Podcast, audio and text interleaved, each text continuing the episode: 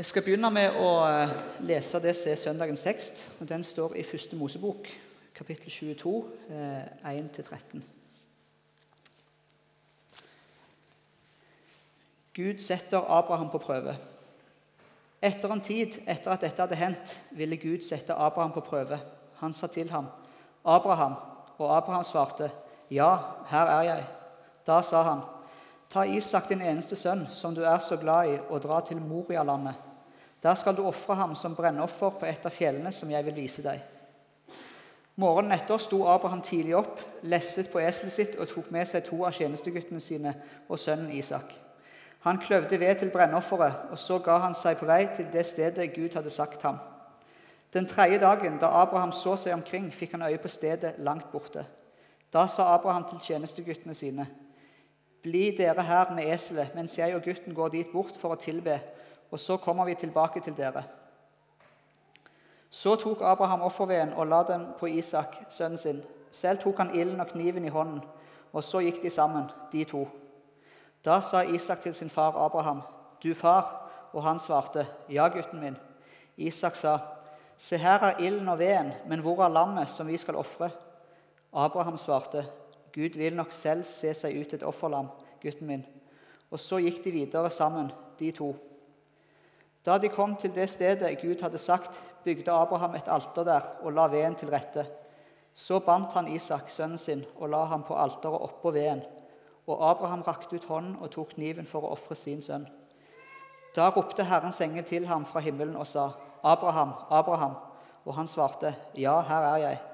Da sa engelen, Legg ikke hånd på gutten og gjør ham ikke noe, for nå vet jeg at du frykter Gud, siden du ikke engang sparte din eneste sønn for meg. Da Abraham så opp, fikk han øye på en vær som hang fast etter hornene i et skjær, like bak ham. Da gikk han bort og tok væren og ofret den som brennoffer istedenfor sønnen sin. Skal vi be.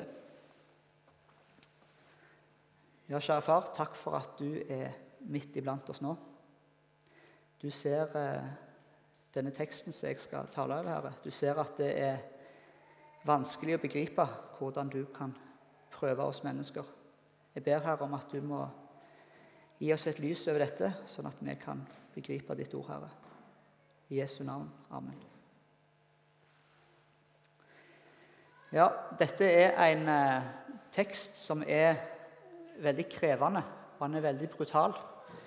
Han er så brutal at han faktisk òg er foreslått tatt vekk i tekstrekkene i, i, kirkeåret. Fordi at eh, han inneholder skildringer som er så, så, tøffe og så brutale. Det er altså en far som får beskjed av Gud om å ofre sin eneste sønn. Og Så følger vi historien der Abraham følger Isak til et fjell for å ofre ham. Og Abraham gjør, han gjør disse forberedelsene helt uten å vite at Gud vil gripe inn, så kan vi bare se for oss hendelsen. Vi kan bare se for oss hva tanker og følelser Abraham har rundt dette. Og Isak han også må forstå at noe ikke stemmer her. Han sier jo bl.a. til sin far Se, her er ilden og veden, men hvor er lammet som vi skal ofre? Han er altså oppegående nok til å stille de kritiske spørsmålene og til å, til å forstå at her er det et eller annet som ikke, som ikke stemmer.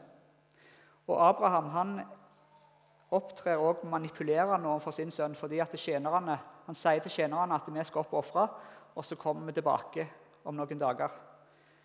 Mens han i sitt indre vet at uh, han kommer ikke tilbake med Isak hvis det blir sånn som han har tenkt.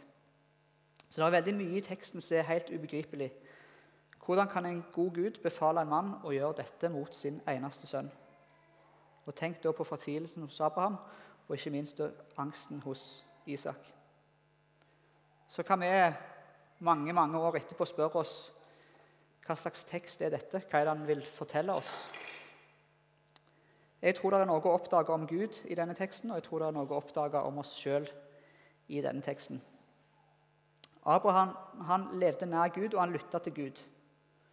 Og så er spørsmålet til oss har vi evnen til å legge av og til fornuften og vår egen eh, vårt eget intellekt til side og bare lytte til Gud. Når jeg eh, skulle forberede denne talen, så kom jeg på en tale jeg hørte for en del år siden sjøl. Eh, Og Så ringte jeg til han, jeg kjente godt han som hadde den talen, så ringte jeg til han for bare å få bekrefte at det var sånn som jeg huska. Eh, for han fortalte om Einar Lundby. Eh, nå er jeg såpass ung at jeg har ikke opplevd Einar Lundby, men, men han er altså en av de som grunnla eh, eh nervesanatoriet på, på, ja, på Østlandet. Modum Bad, var det jeg mente. Eh, og han var lege, og han var sjelesørger og forkynner. Og han hadde en helt egen evne til å gå på Guds ord, til å legge til side egentlig fornuften sin og gjøre ting som i det ytre eller tilsynelatende var helt eh, ubegripelig, egentlig. Han fikk det for seg at en gang at han skulle gå inn i en skog og synge ei salme. Og så gjorde han det. Helt eh, av seg sjøl kom han på at det skulle han gjøre. Mange år seinere fikk han høre at det var en annen i den skogen samtidig som eh, skulle ta sitt eget liv. Men når han hørte salmesangen til Einar Lundby, så lot han være. Det fikk Einar Lundby vite mange år etterpå. Han kunne også sende penger til folk helt uten å vite eh, hvem de var, eller bakgrunn. Og så fikk han senere bekrefte at det, det var penger som kom svært godt med i en vanskelig situasjon. Så det å kunne legge sin fornuft til side og egentlig bare gjøre ting fordi at en eh, opplever at Gud kaller, det vitner om et nært forhold til Gud. Men så er det vesentlig forskjell på å lytte til Gud på denne måten i forhold til den befalingen som Abraham fikk. For her handler det om å gjøre noe som er destruktivt. Det er noen dybder i denne teksten, samtidig som det er en spenning der Abraham står med kniven. Vi vet av historien at dette var en prøve. Det står også innledningsvis at Gud ville sette Abraham på prøve. Så vi vet det på en måte før vi går inn i teksten. Men Abraham han visste ikke at det var en prøvelse han ble utsatt for. Ellers hadde det jo ikke vært noen prøve. Så står det altså Ta Isak, din eneste sønn, som du er så glad i, og dra til Moriafjellet. Teksten understreker til og med hvor glad Abraham er i sin sønn. Gud ville altså teste Abraham om han hadde Gud som herre i sitt liv. Og da er det ikke bare nesten herre, men fullt og helt herre. Og Få av oss kunne beskyldt Abraham for å være feig eller for å være unnvikende om han avbrøt og trakk seg fra denne befalingen. Vi ville kalt det sunn fornuft og at han hadde dømmekraft. Og ingen av oss ville latt oss teste eller prøve på denne måten. Jeg tror at en god måte å prøve om noe er fra Gud eller ikke, det vil bl.a. være å se hva Skriften sier. Hvis en opplever at en skal gjøre noe som er i strid med Skriften, så har jeg vanskelig for å tro at det er fra Gud. Og det må jo Abraham også ha stilt seg det spørsmålet her. Hvordan kan en befaling fra Gud som strider sånn mot hans gode vilje, hvordan skal jeg kunne gjøre det? Hvor er det blitt av bud om at du ikke skal slå i hjel, f.eks.?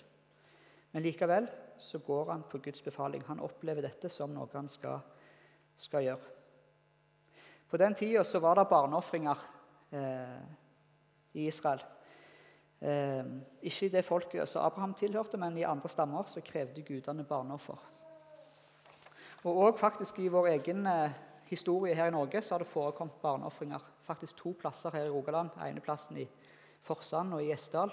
Uburen og Utburen er det to fjell som heter. Og De vitner om fra førkristen tid at eh, barn ble forlatt eller ble ofra. Eh, og I de norrøne lovene og i de skandinaviske middelalderlovene så ble det fortalt om barneutbæring. Og I nordisk folketro så var utbyrd ei skogsånd som dukka opp på steder hvor barn var båret ut eller måtte bøte med livet. Men det var som kjent i førkristen tid. I denne historien så er det en kjærlig Gud som gir befalingen til en far som elsker sin sønn. Og Der er det en stor forskjell. Litt forut for Isak så vet vi at Abraham og Sara de var ikke akkurat ungdommer når Isak ble født. Jeg skal lese litt til fra 1. Mosebok 17, 15-19, for at dere skal få litt av forhistorien. Gud sa til Abraham, din kone Sarai skal du ikke lenger kalle Sarai. Sara skal være hennes navn. Jeg vil velsigne henne og gi deg en sønn med henne også. Ja, jeg velsigne henne så at hun blir mor til mange folk. Konger over folkeslag skal gå ut fra henne. Da kastet Abraham seg til jorden og lo. Han sa med seg selv, kan en mann som er 100 år, få barn, og kan Sara med sine 99 år føde? Og Abraham sa til Gud, måtte du la Ismael få leve for ditt åsyn. Da sa Gud, Ja, men du skal få en sønn med Sara, din kone, og du skal gi ham navnet Isak. Jeg vil opprette min pakt med ham, en evig pakt for hans etter etter ham. Isak var altså et resultat av et løfte som Gud hadde gitt. Og det hadde tatt veldig lang tid før dette løftet gikk i oppfyllelse. Og Det må også Abraham ha tenkt på når han skulle opp og ofre sønnen sin. Fordi at eh, Hvis han ofra sin sønn, så ville heller ikke den oppfyllelsen som, som, står her, kunne gå. Det ville ikke kunne skje at det ville bli etter etter han hvis han døde. Og det var hans eneste sønn. Så Abraham han må ha stilt seg veldig mange spørsmål om hva dette handler om. Så kan vi spørre oss tester Gud oss i vårt liv og i vår tid. Er det områder i ditt liv hvor Gud prøver deg? Bibelen den sier at prøvelser det er noe som vi må leve med. I Jakobs brev kapittel 1, vers 2-3 så står det Se det bare som en glede, søsken, når dere møter alle slags prøvelser. For dere vet at når troen blir prøvet, skaper det utholdenhet. Og Som kristne så møter vi prøvelser, og Bibelen trekker dette fram som det naturligste av alt. Som kristne så blir vi ikke skåna for prøvelser. Det er flere prøvelser for en kristen enn for den som lever uten en herre, og så velger å bestemme fullt og helt på egen hånd over sitt liv. Og Når vi blir prøvd og testa, så har Gud tillatt dette. Hvorfor? Jo, fordi at vi skal oppdage Han på ny. Vi kan av og til bli ført ut i vanskelige situasjoner for å styrkes og vokse i Hans bilde. Det er jo ikke sånn at alle vonde hendelser er satt i verk av Gud. Det vonde det rammer òg den som ikke tror. Og noe av det vonde i verden det er en konsekvens av at vi lar oss friste. Og så er det forskjell på fristelser og prøvelser. Fristelser de kommer fra djevelen. Han vil trekke oss bort fra Gud. Prøvelser de kommer fra Gud for å styrke vår relasjon til Han. Og prøvelser det er ingen straff fra Gud. Det syns jeg det er viktig å holde fast med. Det er typisk Gud å forme oss gjennom vanskelige situasjoner, og det er typisk Gud å bruke meningsløse situasjoner for å gi oss noen skatter og åpenbaringer som vil ha stor betydning for personligheten vår. Og så er det typisk Gud å bruke meningsløse situasjoner til å styrke vår relasjon til Han. Han er mer opptatt av å forme vår karakter enn, eh, for at vi skal bli like Han, enn av at vi skal ha det så veldig komfortabelt. Guds mål for oss er at vi skal bli som Han, og han har ikke uttalt noe sted at livet skal bli mest mulig behagelig. Vi snakker noen ganger om herlighetsteologi. Og i vår tid er kanskje behagelighetsteologi og komfortteologi noe av den største fallgrøfta vi kan gå i. Vi vil gjerne framstille Jesus som noe trygt, som sentrum i stormen der alt er stilt og det er ikke noen farer som truer. Og det kan nesten bli litt søtt og idyllisk gjennom, slike, gjennom sånne framstillinger så kan vi spørre oss Spør Peter om det tryggeste stedet var i tett relasjon til Jesus. Spør Paulus, som ble piska og mishandla. Spør de andre disiplene som lei martyrdøden, den, om den tryggeste plassen var hos Jesus. Spør kristne i Roma, som ble brent som lyktestolper i Romas gater. Eller spør Hans Nilsen Hauge, som gang på gang ble fengsla og ble syk og døde. Ja, spør noen av de millionene som sitter fengsla for si tro på Jesus i dag, spør om det å følge Jesus er komfortabelt og behagelig. Gud han har ikke kalt oss til et komfortabelt og behagelig liv. Han er opptatt av å forme vår karakter og vårt indre, sånn at vi blir mest like han, så livet vårt kan få betydning for oss sjøl og for andre. Og Hvis livet ditt er krevende, så kan det være vanskelig å høre det nå. det jeg sier. Og Sjøl så, så, opplever en av og til at, at livet er tøft. Og så kan vi kanskje da, når ting er vanskelig, spørre oss er det noe Gud vil lære oss. Vi spør ofte hvorfor tillater Gud at dette skjer? Og så kan vi heller kanskje spørre oss er det noe vi kan lære. Det er veldig lett å si det. Når en sitter oppe i vanskelige situasjoner, så er det verre å, å leve etter en sånn oppfordring. Men Gud han ønsker å forme vår karakter både gjennom det som er godt, og det som er vondt. Enten en står oppe i prøvelser nå eller seinere, så er det noe som alle opplever før eller seinere at vi må gå gjennom. Men så står det òg i Bibelen at Guds fred det er noe annet. Det er en annen fred enn den som, som verden gir. I Johannes 14, 27 så står det fred etterlater jeg dere, min fred gir dere. Ikke den fred som verden gir. La ikke hjertet bli grepet av angst og motløshet. Det er altså en annen fred som Bibelen taler om. Det er ikke en fred som skal gjøre det så veldig komfortabelt, men det, skal, det er en fred som skal gjøre at vi kan, kan bære det som livet gir, fordi at Gud gir oss kraft. Og I 2. Korinterbrev 12,9 så står det Min nåde er nok for deg, for kraften fullendes i svakhet. Derfor vil jeg helst være stolt av mine svakheter, for at Kristi kraft kan ta bolig i meg. Det er altså det svake, det som ikke er sterkt. Det er det Bibelen holder fram som, som et ideal. Og Det er kanskje i kontrast til det som vi av og til ønsker å tro eller ønsker å, å forkynne. Det er dette som er korsets teologi, i motsetning til herlighetsteologi eller komfortteologi. Guds rike har vist seg å gå fram gjennom prøvelser og trengsler. Og Det gjelder både i verden og i, i våre liv. Og Kanskje noe av grunnen til at landet vårt i dag er blitt avkristna, og at det, vi opplever en så sterk sekularisering som vi har, så skyldes det kanskje at eh, ting går så på skinner i dette landet. Vi har enormt med ressurser til rådighet, og vi klarer på en måte å eh, Med penger og med alt som vi har, så klarer vi å sikre oss mot store kriser og store prøvelser. Og I så måte så kan det være at eh, finanskrisen som vi har fått, at den på sikt kan, kan gi landet vårt et nytt perspektiv. Selv om Norge nok ikke er, så, er blitt så ramma som andre land.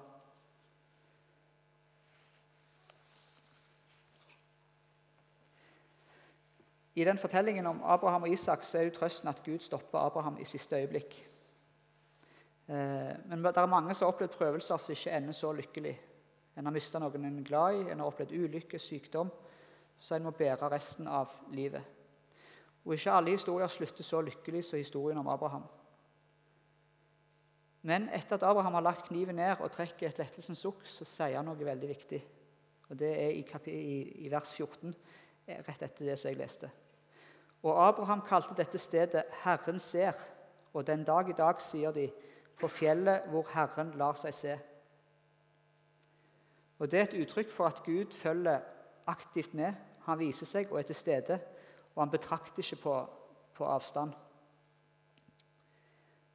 Og Historien den gir oss noen spennende perspektiver. For Abraham gikk til Morialandet, og det er der hvor de mener Jerusalem ligger i dag. Og I forhold til historien så kan det ha vært to topper i området rundt Jerusalem hvor Abraham skulle ofre Isak. Enten så var det der tempelet ligger i dag, i Jerusalem, eller en annen topp i nærheten av byen. Og Det er ikke unaturlig at Abraham velger å gå til det høyeste stedet når han har gått i tre dager. Senere vet vi at det er en annen som måtte ofre sin sønn. Og Det var en mektig far som tillot at hans egen sønn ble drept. Og han godkjente handlingen. Og Det var en død som ville føre til at dette fjellet kunne leve opp til uttrykket 'Herren ser'. Gud stoppa Abraham når han skulle ofre sønnen. Han stoppa ikke folket som sa 'korsfest, korsfest'. Han stoppa ikke soldatene når de slo naglene gjennom hendene. Og Jesus han ble ofra med en død som var mer smertefull enn noen av oss kan forestille oss. Ingen kunne klandre Gud hvis han ikke hadde valgt å la dette skje. For Abraham var Isak den eneste sønnen. Han ble spart. Men universets Gud han sparte ikke sin egen feilfrie sønn. Universets Gud han legger sin sønn på alteret, som han elsker med en perfekt kjærlighet høyere enn vi noen gang vil være i stand til å vise våre barn. Og Om stedet hvor Abraham skulle ofre Isak, er stedet som senere ble Golgata, det vet vi ikke. Golgata er likevel et fjell der Herren viser seg. Om det skjedde i tempelet, så revna forhenget mellom det helligste og det aller helligste. Og Forhenget det var noe som skapte avstand mellom oss og Gud. Og Det er vanskelig å tenke at Gud var til stede i hverdagen. Da Jesus ble ofra, kom Gud ut fra det aller helligste, og han ser deg. Han viser seg i ditt liv, og han lar seg se i ditt liv. Om det er Golgata eller tempelet, så handler begge om at Gud ikke er fanga noe sted geografisk. Dette er stedet hvor Herren lar seg se. Du står kanskje midt i prøvelser. Eh, etter at forhenget revner, så skal du vite at ditt sted det er hvor Herren viser seg. Han er akkurat der som du er nå. Gud er i nærheten, og han sørger for deg. Han gir ikke et lett liv. Han gir deg det du trenger for å leve livet han har planlagt for deg.